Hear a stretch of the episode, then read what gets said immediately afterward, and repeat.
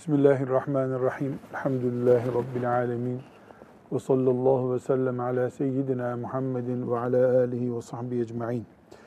Resulullah sallallahu aleyhi ve sellem Efendimizin mübarek hadis-i şeriflerinden okuyoruz.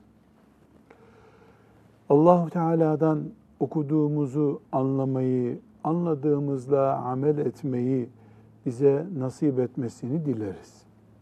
Zira bir Müslüman mesela para biriktirip hacca gittiğinde neler umuyor? Allah'ın hidayetini, sevabı, cennette de Peygamber aleyhisselamla buluşmayı, Müslümanlığını takviye etmeyi bunları umuyor. Medine'ye ziyarete gidiyor. Bu heyecanla Medine'de duruyor, geri geliyor. Esasen Resulullah sallallahu aleyhi ve sellemin bir hadisi şerifi ile insanın hayatta buluşması da böyle bir buluşmadır. Biz Peygamber sallallahu aleyhi ve sellemin fani bedenine tapınıyor değiliz. Onun getirdiği Kur'an'dır hedefimiz. Onun ağzından çıkan mübarek sözlerdir hedefimiz. Bir Müslümanın Medine'de Yemen'den kalkıp Medine'ye gidip Resulullah sallallahu aleyhi ve sellemi ziyaret etmesi neyse e, bir ders halkasında Peygamber sallallahu aleyhi ve sellemin hadisi şeriflerini dinlemesi de odur. Böyle bilmek lazım. Allahu Teala'dan nasıl Medine'ye gidip ziyaret eden Ya Rabbi bana muhakkak feyizli, bereketli bir ziyaret nasip et diye beklenti içerisinde oluyor, dua ediyor. Aynı şekilde Müslümanın bir hadisi şerif halkasına oturduğunda Riyazu Salihin mesela dinlediğinde filan hadisi şerif okunuyor diye kulağına bir ses geldiğinde de tıpkı Resulullah sallallahu aleyhi ve sellem Efendimiz'i sağlığında dinliyor gibi ciddi olmak, istifade etmeye çalışmak diye bir gayesi ve hedefi olmalıdır. Bu hadisler peygamberdir sallallahu aleyhi ve sellem. Hadis o demektir. Bu zevk ve bu kaliteyi yakaladığında mümin biiznillahü teala imanını artırır, amelini artırır, ihlasını artırır. Ama hadis-i şerifleri la teşbih ve la temsil haber bülteni dinler gibi dinleyen birisi hiç istifade edemez. İşte o arada bir heyecanlı cümle geçerse vay be der o kadar. O vay beyle gider o hadisi şerif. Allah'tan tekrar ve tekrar niyaz ederiz ki dinlediğimiz her ayet, dinlediğimiz her hadisi şerif imanımızı takviye eden, amelimizi çoğaltan, ihlasımızı güçlendiren bir kaynak olur diye niyaz ederiz. Şimdi bir hadis-i şerif okuyacağız. Bu hadis-i şerif herhangi bir söz gibi Peygamber sallallahu aleyhi ve sellemin herhangi bir sözü gibi bizi işin aslına davet edecek feyizli, bereketli bir hadis-i şeriftir. Şimdi hadis-i şerifin mealini dikkatlice dinleyelim. Gündemi yoğun bir hadis-i şerif. Sonra e, hadisin ne anlattığını da inşallah anlamaya çalışacağız. Hafız Efendi buyur dinleyelim. Cabir radıyallahu anh şöyle dedi. Resulullah sallallahu aleyhi ve sellem hutbe irad ettiği zaman gözleri kızarır, sesi yükselir. Düşman sabah ve akşam üzerinize hücum edecek, kendinizi koruyun diye ordusunu uyaran kumandan gibi öfkesi artar ve şehadet parmağıyla orta parmağını bir araya getirerek benimle kıyametin arası şu iki parmağın arası kadar yaklaştığı sırada ben peygamber olarak gönderildim derdi. Sonra da sözlerine şöyle devam ederdi. Bundan sonra söyleyeceğim şudur ki sözün en hayırlısı Allah'ın kitabıdır. Yolların en hayırlısı Muhammed sallallahu aleyhi ve sellemin yoludur. İşlerin en kötüsü sonradan ortaya çıkarılmış olan bid'atlerdir. Her bid'at dalalettir, sapıklıktır. Sonra da şöyle buyurdu. Ben her mümine kendi nefsinden daha ileriyim, daha üstünüm. Bir kimse ölürken mal bırakırsa o mal kendi yakınlarına aittir. Fakat borç veya yetimler bırakırsa O borç bana aittir. Yetimlere bakmak da benim görevimdir. Sallallahu aleyhi ve sellem. Bu hadis-i şerif İmam Müslim'in sahihinde geçiyor. İbn Mace'de de var. Sahih bir hadis-i şerif. Ne demek sahih bir hadis-i şerif? Ben burada kendi elimi bakıp gördüğümde inandığım gibi Resulullah sallallahu aleyhi ve sellem bunu buyurmuştur diye inanıyor ve rahat ediyorum. Sahih hadis bu demektir. Cabir radıyallahu anh bu hadisi şerifi rivayet ederken bize epey bir bilgi de aktarıyor. Birincisi bir hadisi şerifte neler görüyoruz? Bir, ashab-ı kiram Allah onlardan razı olsun. Resulullah sallallahu aleyhi ve sellem Efendimizin nefeslerini bile takip ediyorlar. Ne buyuruyor?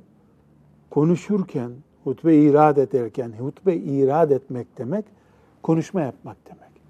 Konuşurken gözlerinin renginin değiştiğini, gözlerinin kızardığını, ses tonunun yükseldiğini bize haber veriyor. Sonra parmağıyla işaret ediyordu diyor. Şu şekilde işaret yapmış. Resulullah sallallahu aleyhi ve sellem Efendimiz bir konuşma yaparken beden dilini de kullanmış. Hem mübarek ağzıyla konuşmuş, hem beden diliyle konuşmuş. Sessiz sedasız böyle rutin bir okuyuş değil, ses tonunu yükselttiği olmuş. Sinirlendiği olmuş. Karşısındakilerin pozisyonuna göre, algılama durumlarına göre, konunun ağırlığına ve hafifliğine göre şekil almış sallallahu aleyhi ve sellem Efendimizin konuşması. Bunları da sahabi bize böyle bir film izlemiş insan şeklinde anlayacağımız kadar bariz bir şekilde anlıyor. Bu birinci konu bu hadisi şerifte. Allah onlardan razı olsun. Ashab-ı kiram sanki biz onlara sormuşuz. Sesi yükselmiş miydi? Dudak hareketleri nasıldı? El hareketi yapmış mıydı? Dermişiz gibi ayrıntı getiriyor. Bu paragrafı bir daha okuyalım Hafız Salih. Cabir radıyallahu anh'ın bu anlatış tarzını bir daha okuyalım. Resulullah sallallahu aleyhi ve sellem hutbe irad ettiği zaman Ne demek hutbe irad ettiği? Konuşma yaptı demek. gözleri kızarır, Gözleri kızarıyor. sesi yükselir. Yüksek sesle konuşuyor. Düşman sabah ve akşam üzerinize hücum edecek, kendinizi koruyun diye ordusunu uyaran kumandan gibi öfkesi Yani- artar. Kumandan askerlere nasıl böyle hücum talimatı veriyor? Siperlere yatın diyor. Bir askerler dizildiği zaman belki bayan kardeşlerimiz bunu anlamakta zorluk çekiyorlardır ama e, sizin gibi askerlik yapanlar anlıyordur. E, mesela komutan geldiğinde e, gençler sipere yatın isterseniz demiyor herhalde. Herkes sipere diye talimat veriyor. Ayağa kalk diyor. Askerlik bunu gerektirir. Şimdi Cabir radıyallahu anh ne diyor? Sanki akşam sabah böyle düşman geliyor diye teyakkuz halinde olan bir ordunun komutanı nasıl konuşursa öyle heyecanlı konuşurdu diyor. Sallallahu aleyhi ve sellem Efendimiz için. Şimdi burada iki özellik var. Birincisi Peygamber sallallahu aleyhi ve sellemin bu tavrı. Anlatacağı konunun ağırlığını tavırlarına ezdirmiyor. Çocuklar siperlere geçin diyen komutan başka, herkes sipere diye bağıran bir komutan başka. sallallahu aleyhi ve sellem Efendimiz müthiş bir bilgi verecek. Kıyametin vaktiyle ilgili bilgi verecek. Bunu böyle narin narin konuşarak anlatır mı?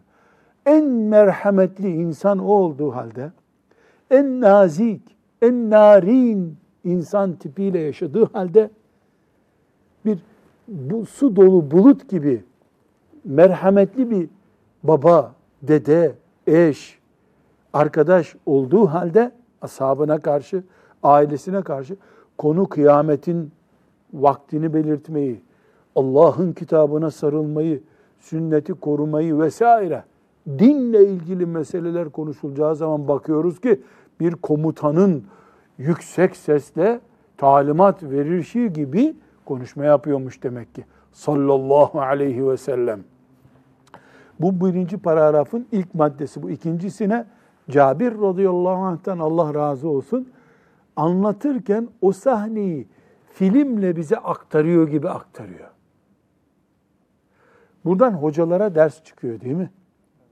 Konunun yüksek ses gerektirdiği yerde o yüksek sesi kullanacaksın. Yani seni dinleyenler, Peygamber aleyhisselamdan da daha medeni, daha narin olacak hali yok hocanın. İster talebeye ders veren hoca olsun, ister camide hutbe okuyan hoca olsun. Yani bir A4 kağıdını dolduracak kadar yaklaşık 500 karakterlik bir hutbeyi okuyan bir hoca efendinin ilk satırdan son satıra kadar aynı yüksek ses tonuyla okuması ne kadar sünnete aykırı bir şey bak. Sünnete aykırı bu. Ayet okuyorsun, kendi sözünü okuyorsun, hepsi aynı ton.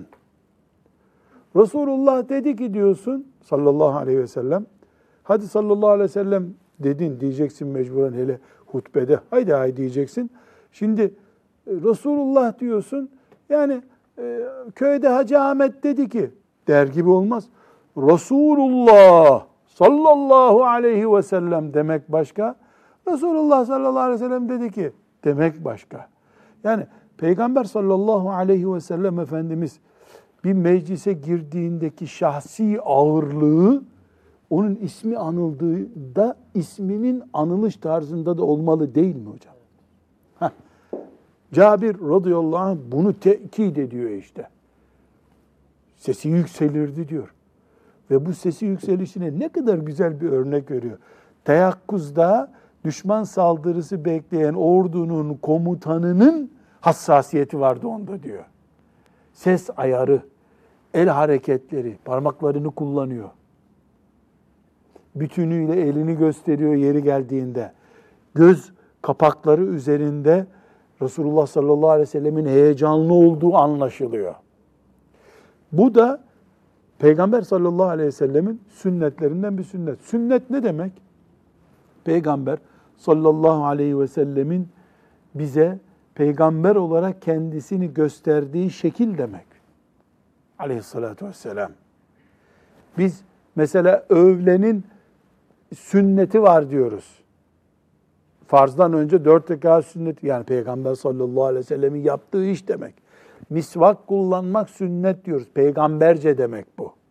Aleyhissalatü vesselam. Sağ ayakla camiye girilir. Yani peygamber öyle yapardı demek. Bir hutbe iradı.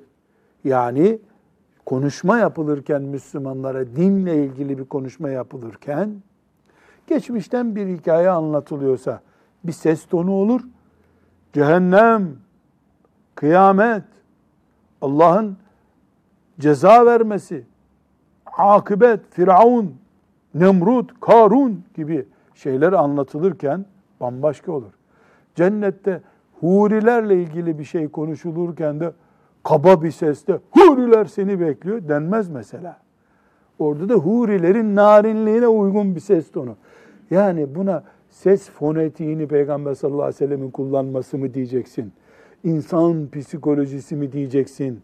Hitabet teknolojisi mi diyeceksin? Eğitim pedagojisi mi diyeceksin? Hangi ismi verirsen ver. İşte Resulullah sallallahu aleyhi ve sellem ashabının şahitliğiyle bunların hepsini yapıyordu. Sallallahu aleyhi ve sellem.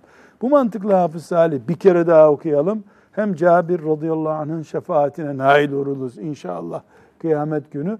Hem bir kendimize ders çıkarırız. Hadis-i şerif okurken de hadis-i şerif okurken de, tefsir dersi okurken de, ilim meclisinde de nasıl konuşulacağını tıpkı namazı kimden öğrendiysek konuşma tarzını da ondan öğrenmiş oluruz. Sallallahu aleyhi ve sellem. Cabir radıyallahu anh şöyle dedi. Resulullah sallallahu aleyhi ve sellem hutbe irad ettiği zaman gözleri kızarır, sesi yükselir. Düşman sabah ve akşam üzerinize hücum edecek, kendinizi koruyunuz diye ordusunu uyaran kumandan gibi öfkesi artar ve şehadet parmağıyla orta parmağını bir araya Şu getirerek şekilde. Şehadet parmağı bu. Yani bu beş parmağımız var.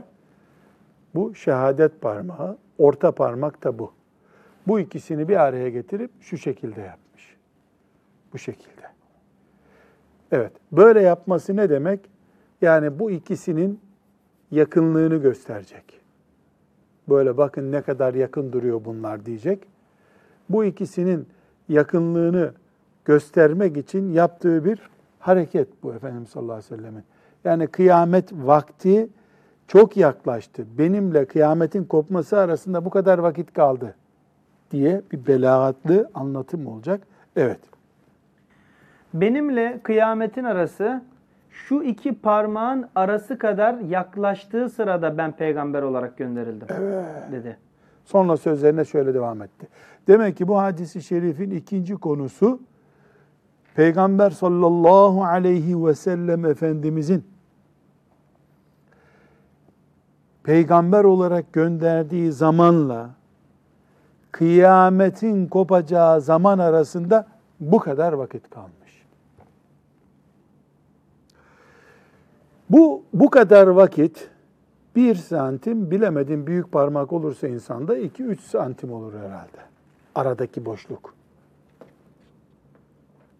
Peki bu 2 santim diyelim burayı. Bu 2 santim zaman dilimi olarak ne kadara tekabül ediyor? Bin sene mi? Beş bin sene mi? Ölçek diye bir şey var haritalarda. Bir metrelik bir haritada ölçekte diyor ki bu bir bölü şu kadardır diyor. Yani buradan bir santimi aldın mı haritada şu kadar ki bir santimlik mesafe toprağın kendisinde şu kadar kilometre karedir dikkat et diyor. Ve böylece sen haritayı hiç şaşmadan izleyebiliyorsun. E peki Peygamber sallallahu aleyhi ve sellemin böyle yapması rakamsal bir şey göstermek için midir? Hayır. Resulullah sallallahu aleyhi ve sellem hadis-i şeriflerinde ve bize getirdiği Kur'an-ı Kerim'de kıyametin zamanı ile ilgili hiçbir bilgi vermemiştir. Dolayısıyla kıyamete şu kadar vakit kalmıştır diyen yalan konuşuyordur. Yüzde yüz yalandır. Jeologların yani coğrafya ile, yer bilimiyle uğraşan bilim adamlarının böyle bir rakamı var mıdır? Onların da yoktur. Ama çıksa deseler ki mesela dünyanın 280 senesi kaldı. Biz bunu İsrailiyat gibi kabul ederiz. Ne doğrularız ne yalanlarız. Neden? Bu dinle ilgili bir konu değil. Belki gerçekten 280 sene kalmıştır misal. Belki daha fazladır, belki daha azdır. Bu Allah'ın gizlediği bir bilgidir. Bu gizli bilgiyi Peygamber sallallahu aleyhi ve sellem de açmadı, açamazdı zaten. Allah da feyyâne mursaha feyyâne mursaha değil mi? Nereden bileceksin sen onu? Fîme ente min zikraha ila rabbike müntehaha. Bu kulların karışacağı bir iş değil. İla rabbike muntehaha. Bu Allahu Teala'nın bilgi sınırları içinde kalıyor. Kullar bundan bir şey bilemez. Dolayısıyla din olarak kıyametle ilgili kimse bir şey söyleyemez. Söylemedi de Resulullah sallallahu aleyhi ve sellem. Bilim böyle bir şey söyler mi? Bilim de söylemiyor zaten. Bilim zaten ebediliğe koşuyor. Onlara göre hiç kıyamet kopmayacak. Ama diyelim üç tane bilim adamı inceledik. İşte şu delindi, bu koptu, dünyanın altında delik açıldı, bilmem hava kaçırdı dünya. Dolayısıyla 20 sene kaldı dediler diyelim. İsrailoğullarından gelen haberleri ne yapıyoruz biz? Ne yalanlıyoruz ne doğruluyoruz. Bize ne diyoruz. Bunu da öyle karşılayabiliriz. Peki. Sallallahu aleyhi ve sellem Efendimiz benim gönderdiğim, gön, peygamber olarak gönderildiğim zamanla kıyamet arasında bu kadar mesafe kalmıştır buyuruyor. Bundan ne anlayacağız? Yani bir insanın karışına göre bir karış mesela ortalama 20 ile 25 santim arası oluyor değil mi karış? Bir insanın karışına göre ölçtüğüne göre 25 santimi gösteriyor. Ama iki parmağını aynı adam tuttuğunda bu 2 santimi gösteriyor. Bu da neyi gösteriyor? Bir karışa göre 2 santim çok az. Yani sembolik bir bölüm kaldı. Peki ne kadar kaldı? Bilemiyoruz ki. Neden bilemiyoruz? E başını bilmiyoruz ki dünyanın dibini bilelim. Mesela dünyanın işte 200 bin sene oldu diyelim diye bir bilgimiz olsa kat'i olarak e, bir karışın 25 santimse 2 santimi demek ki onda birine tekabül ediyor der gibi dünyanın 2000 sene ömrü kaldı deriz o zaman. Misal. Öyle bir bilgimiz yok. Başını bilmediğimiz bir şeyin sonunu da bilmemiz mümkün değil. Kaldı ki başını bilsek de zaten sonu yine bilebileceğimiz bir şey değil. Ama Efendimiz sallallahu aleyhi ve sellem böyle yaparak iki parmak arası kadar bir zaman kalmıştır diyerek bizi kıyamet vaktinin çok yaklaştığına inandırmak istediğini anlıyoruz. Bu yaklaştırmayı illa bir rakam olarak anlayabilir miyiz? Yaklaşık olarak anlayabiliriz. Neden? Çünkü sallallahu aleyhi ve sellem Efendimiz bir ikindi vakti hani böyle akşama bir saat kala filan e, bir ağacın üstünden güneşe baktığında sanki böyle ağaç o, o güneş o ağacın üstünde duruyormuş gibi zannedersin. Böyle artık güneş yere doğru çömelmeye başladı. Akşama bir saat kaldı denir. Öyle bir vakitte ashabıyla konuşurken buyurmuş ki e, bu güneşin batmasına ne kadar vakit kaldıysa dünyanın ömründen de o kadar kaldı. Şimdi günü 24 saat kabul edelim. Değil mi? 24 saatte Efendimiz sallallahu aleyhi ve sellem e, ikindiden sonraki 1-2 saatlik limiti bu kadar kaldı diyor. Demek ki dünyanın 24 saatinden 22 saati gitti. Yaklaşık rakamlar konuşuyoruz. 22 saati gitti. Bir iki saati kaldı. Tabi o iki binli rakamlar mıdır artık Allah bilir. Onun da 1400 senesi gitti. Geriye ne kaldı? Allah bilir. Belki son 10 dakikası kaldı. Belki 5000 sene daha kaldı. Feyyâne mursaha. Fîmâ ente min zikraha. İlâ rabbike muntehaha. Her şeyi Allah biliyor. Ama biz kıyametin çok ötelerde olmadığını iman ederek anlıyoruz. Sallallahu aleyhi ve sellem Efendimiz de ufkumuzu açıyor. Efendimiz aleyhissalatu vesselam iki parmağını bu şekilde tutarak bu işareti yapmasından biz bunu anlamış oluyoruz. Evet, sonra bu kıyamet uyarısını yaptıktan sonra bir konu söyleyecek şimdi. İnsan zanneder ki mesela bu kadar heyecanlı konuşuyormuş. Cabir radıyallahu anh'ten anladık. Bayağı heyecanlı konuşuyormuş. Ve göz kapakçıkları kızarmış. Ses tonunu bir ordu kumandanı gibi yükseltmiş. Ondan sonra da kıyamet çok yakın buyurmuş. E, ne anlatacak? Aman namazı bırakmayın. Aman çok sadaka verin.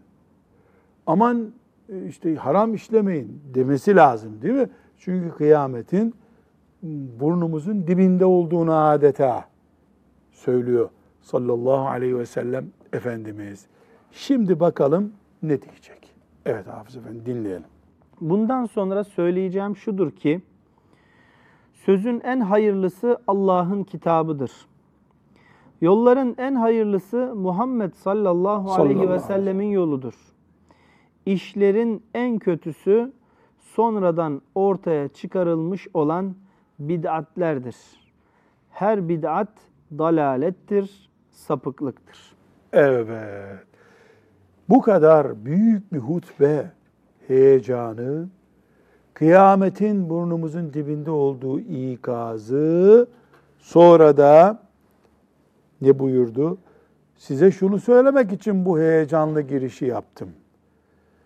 Allah'ın kitabı Kur'an'dan daha iyi söz yok. Muhammed sallallahu aleyhi ve sellemin sünnetinden daha iyisi yok.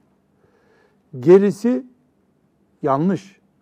Ve en kötü yanlış da Kur'an orada dururken, sünnet orada dururken bid'at çıkarmaktır. Bid'at çıkaran en çirkin işi yapmıştır. Ve ne tür olursa olsun bid'at sapıklıktır. Daha önceki derslerde defalarca vurguladık. Bid'at ne demektir? İbadet diye sonradan çıkarılan şey demektir. İbadet diye ibadet diye sonradan çıkarılan şey demektir. Sabah namazı diye bir ibadet var. Sabah namazına ilave bir şey çıkarırsa Müslümanlar o bid'attır. Sapıklıktır o. Dalalettir. Müslümanların namazı nasıl kılacağı belli.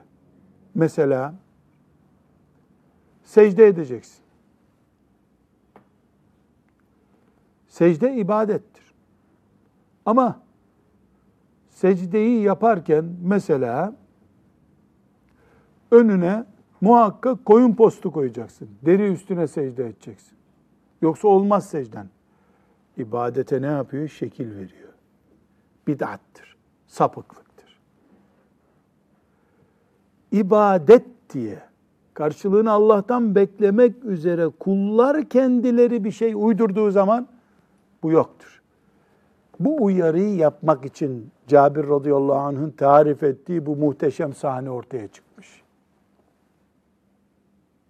Sallallahu aleyhi ve sellem Efendimiz bu kadar derin sözleri bunu söylemek için söylemiş. Hadis-i şerif bitmedi. Hadis-i şerifin bir paragrafı daha var.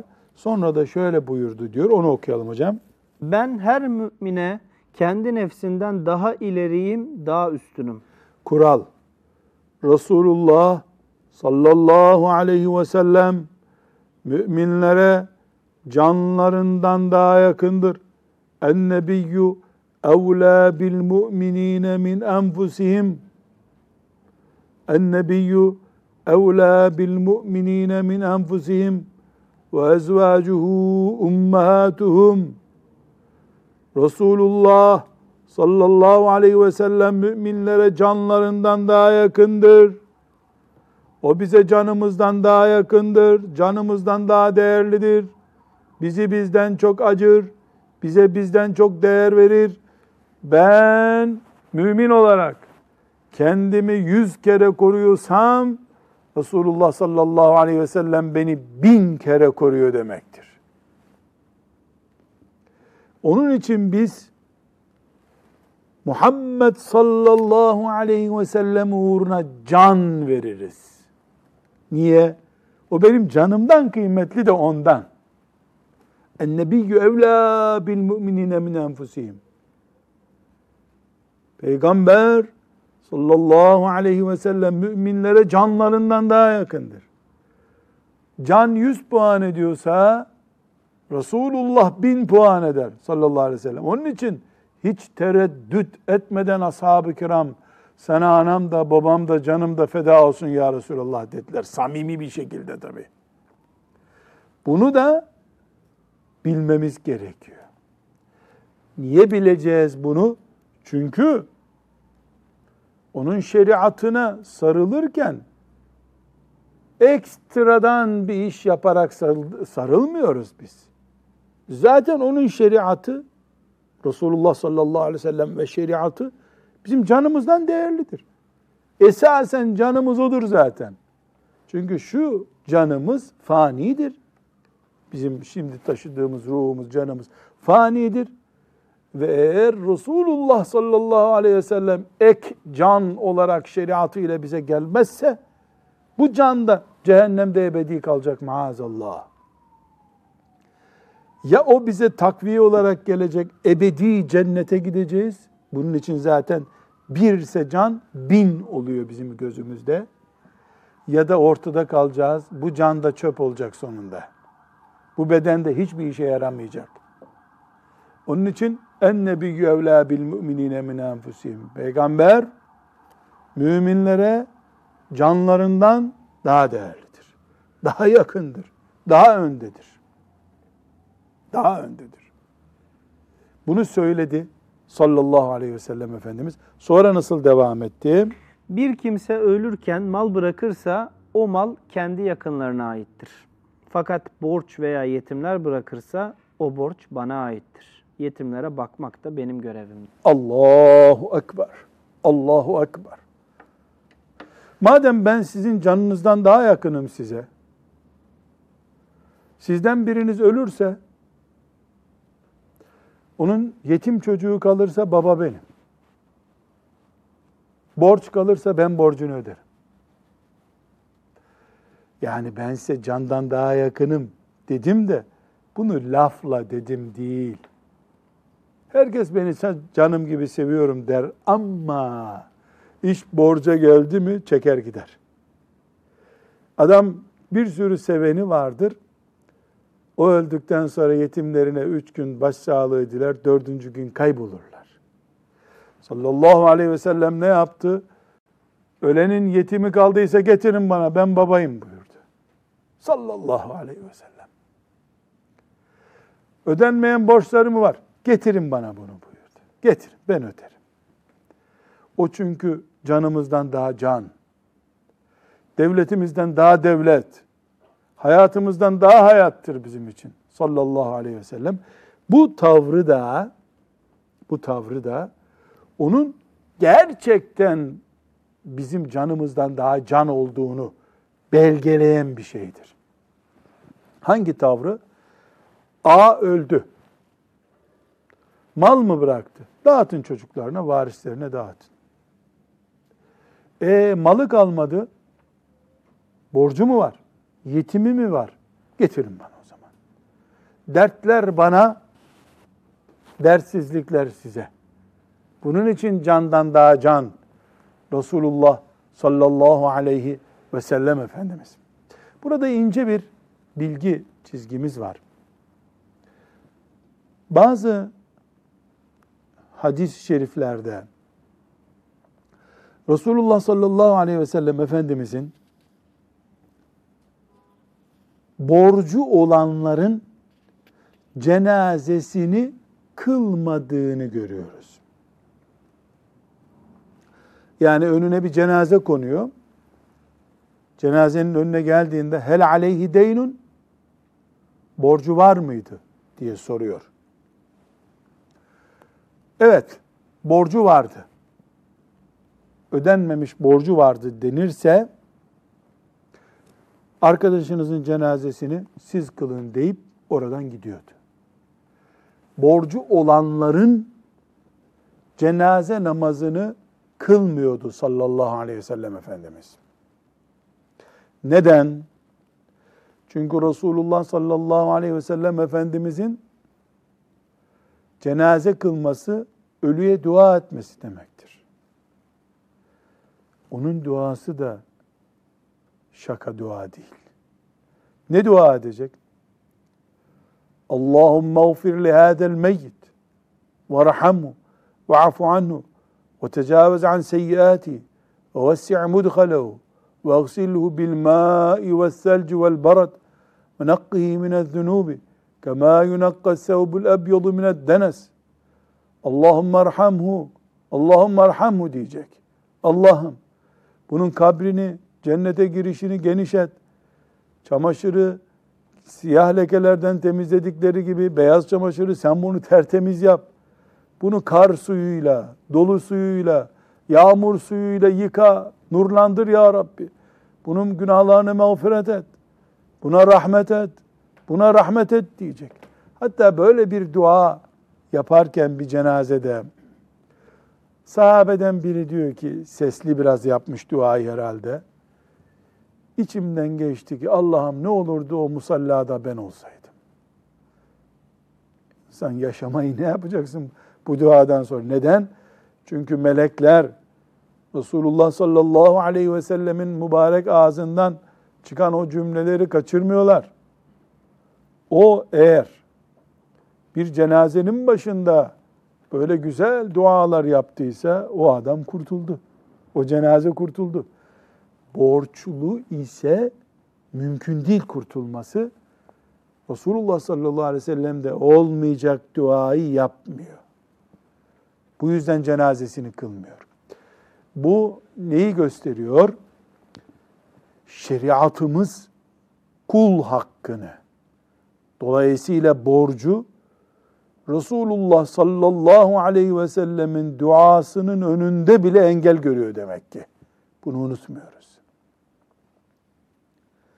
Yani borç kul hakkı öyle bir şey ki birisine şu kadar para işte şu veya bu hacimde bir borçla ölürsen sen, birisinin sende böyle alacağı varsa, senin mezarının başına Resulullah sallallahu aleyhi ve sellem gelse, dualar etse bir işe yaramıyor demek. Ne korkunç bir şeydir ya Rabbi. Ne korkunç bir şeydir.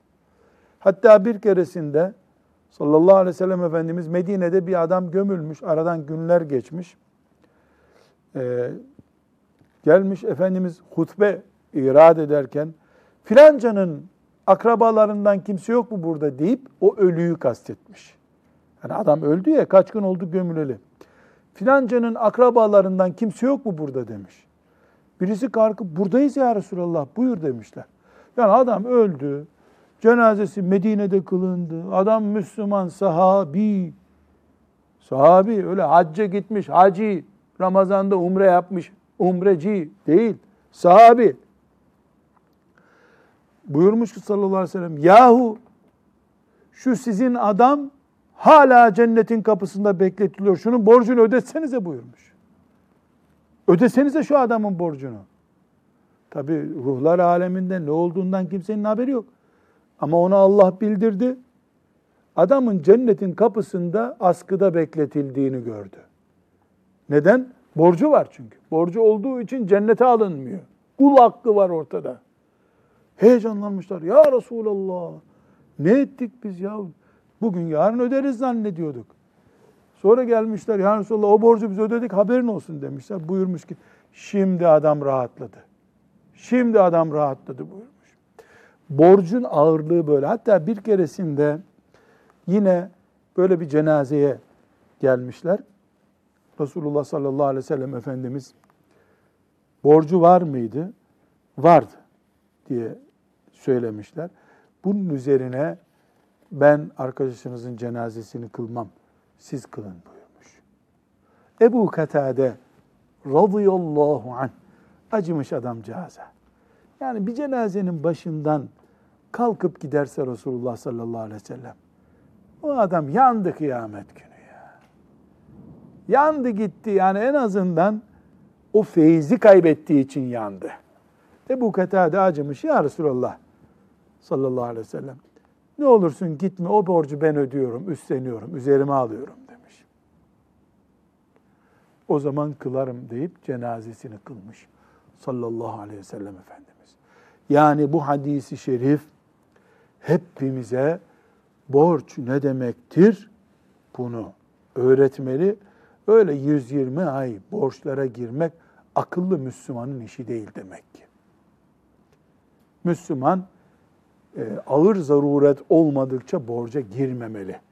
Borca giriyorsa da çok rahat o borcunu karşılayacak varlığı olduğu için borca girmeli. Yani zengin borca girmeli.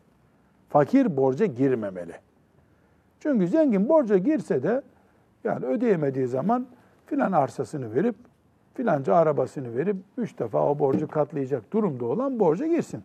Ama öbür türlü akıllılık değil borca girmek. Burada bu hadisi şerif, mübarek hadisi şerif bitmeden bir hüküm daha hatırlamamızda fayda var. Bir Müslüman öldüğü zaman onun cenazesi yıkanır, kefenlenir, gömülür. Ondan sonra ilk iş borçlarını ödemektir onun. İlk iş borçlar. Mevlüt okutmak değildir. Ayeti Celile'nin Nisa suresinde ap açık emri nedir? Nasıl ayetçi yusikumullahu fi evladikümde sen ayeti düşün Hafız Efendi. İlk emri allah Teala'nın borçlardır. Sonra vasiyeti varsa ve vasiyete yetecek para bıraktıysa vasiyettir, uygulanır. Ondan sonra mirasa geçilir. Mevlüt okutmak, hatim okutmak, sonra sonra sonra sonraki işler onlar. Borcu ödenmemiş bir adama nasıl Müslümanlar hatim okutacaklar da fayda edecek? Kur'an'ın emri çok açık. Hatim okutun demiyor Kur'an-ı Kerim. 70 kuruş borcunu öde, 70 bin kelime-i tevhid bir dahaki zamana kalsın. Borç, borç. Kur'an borç diyor. Önce borçlar. Vasiyet ve vasiyet içinde mal bıraktıysa. Benim için her şehire Sultan Ahmet kadar bir cami yaptırın. E 1 lira bıraktın mı? Yok. Ne vasiyeti be? Böyle vasiyet olmaz. Bıraktığın malın üçte biri kadar vasiyet yapabilirsin. Gerisini de varisler paylaşacaklar. Ondan sonra vicdani ve ahlaki diğer görevler aile büyüğüne, anneye, babaya kimse yapılır. Ama mümin insan bu şekilde defnedilir. İşte Efendimiz sallallahu aleyhi ve sellem ne buyuruyor? Diğer şekilde yani bu sisteme göre e, mal bırakmadığı vesaire uygulanamadığı ne yapacağız o Müslümanı? Onu bana getirin. Gariplerin babası benim diyor. Ve sallallahu ve sellem ala seyyidina Muhammed ve ala alihi ve sahbihi ecma'in velhamdülillahi rabbil alemin.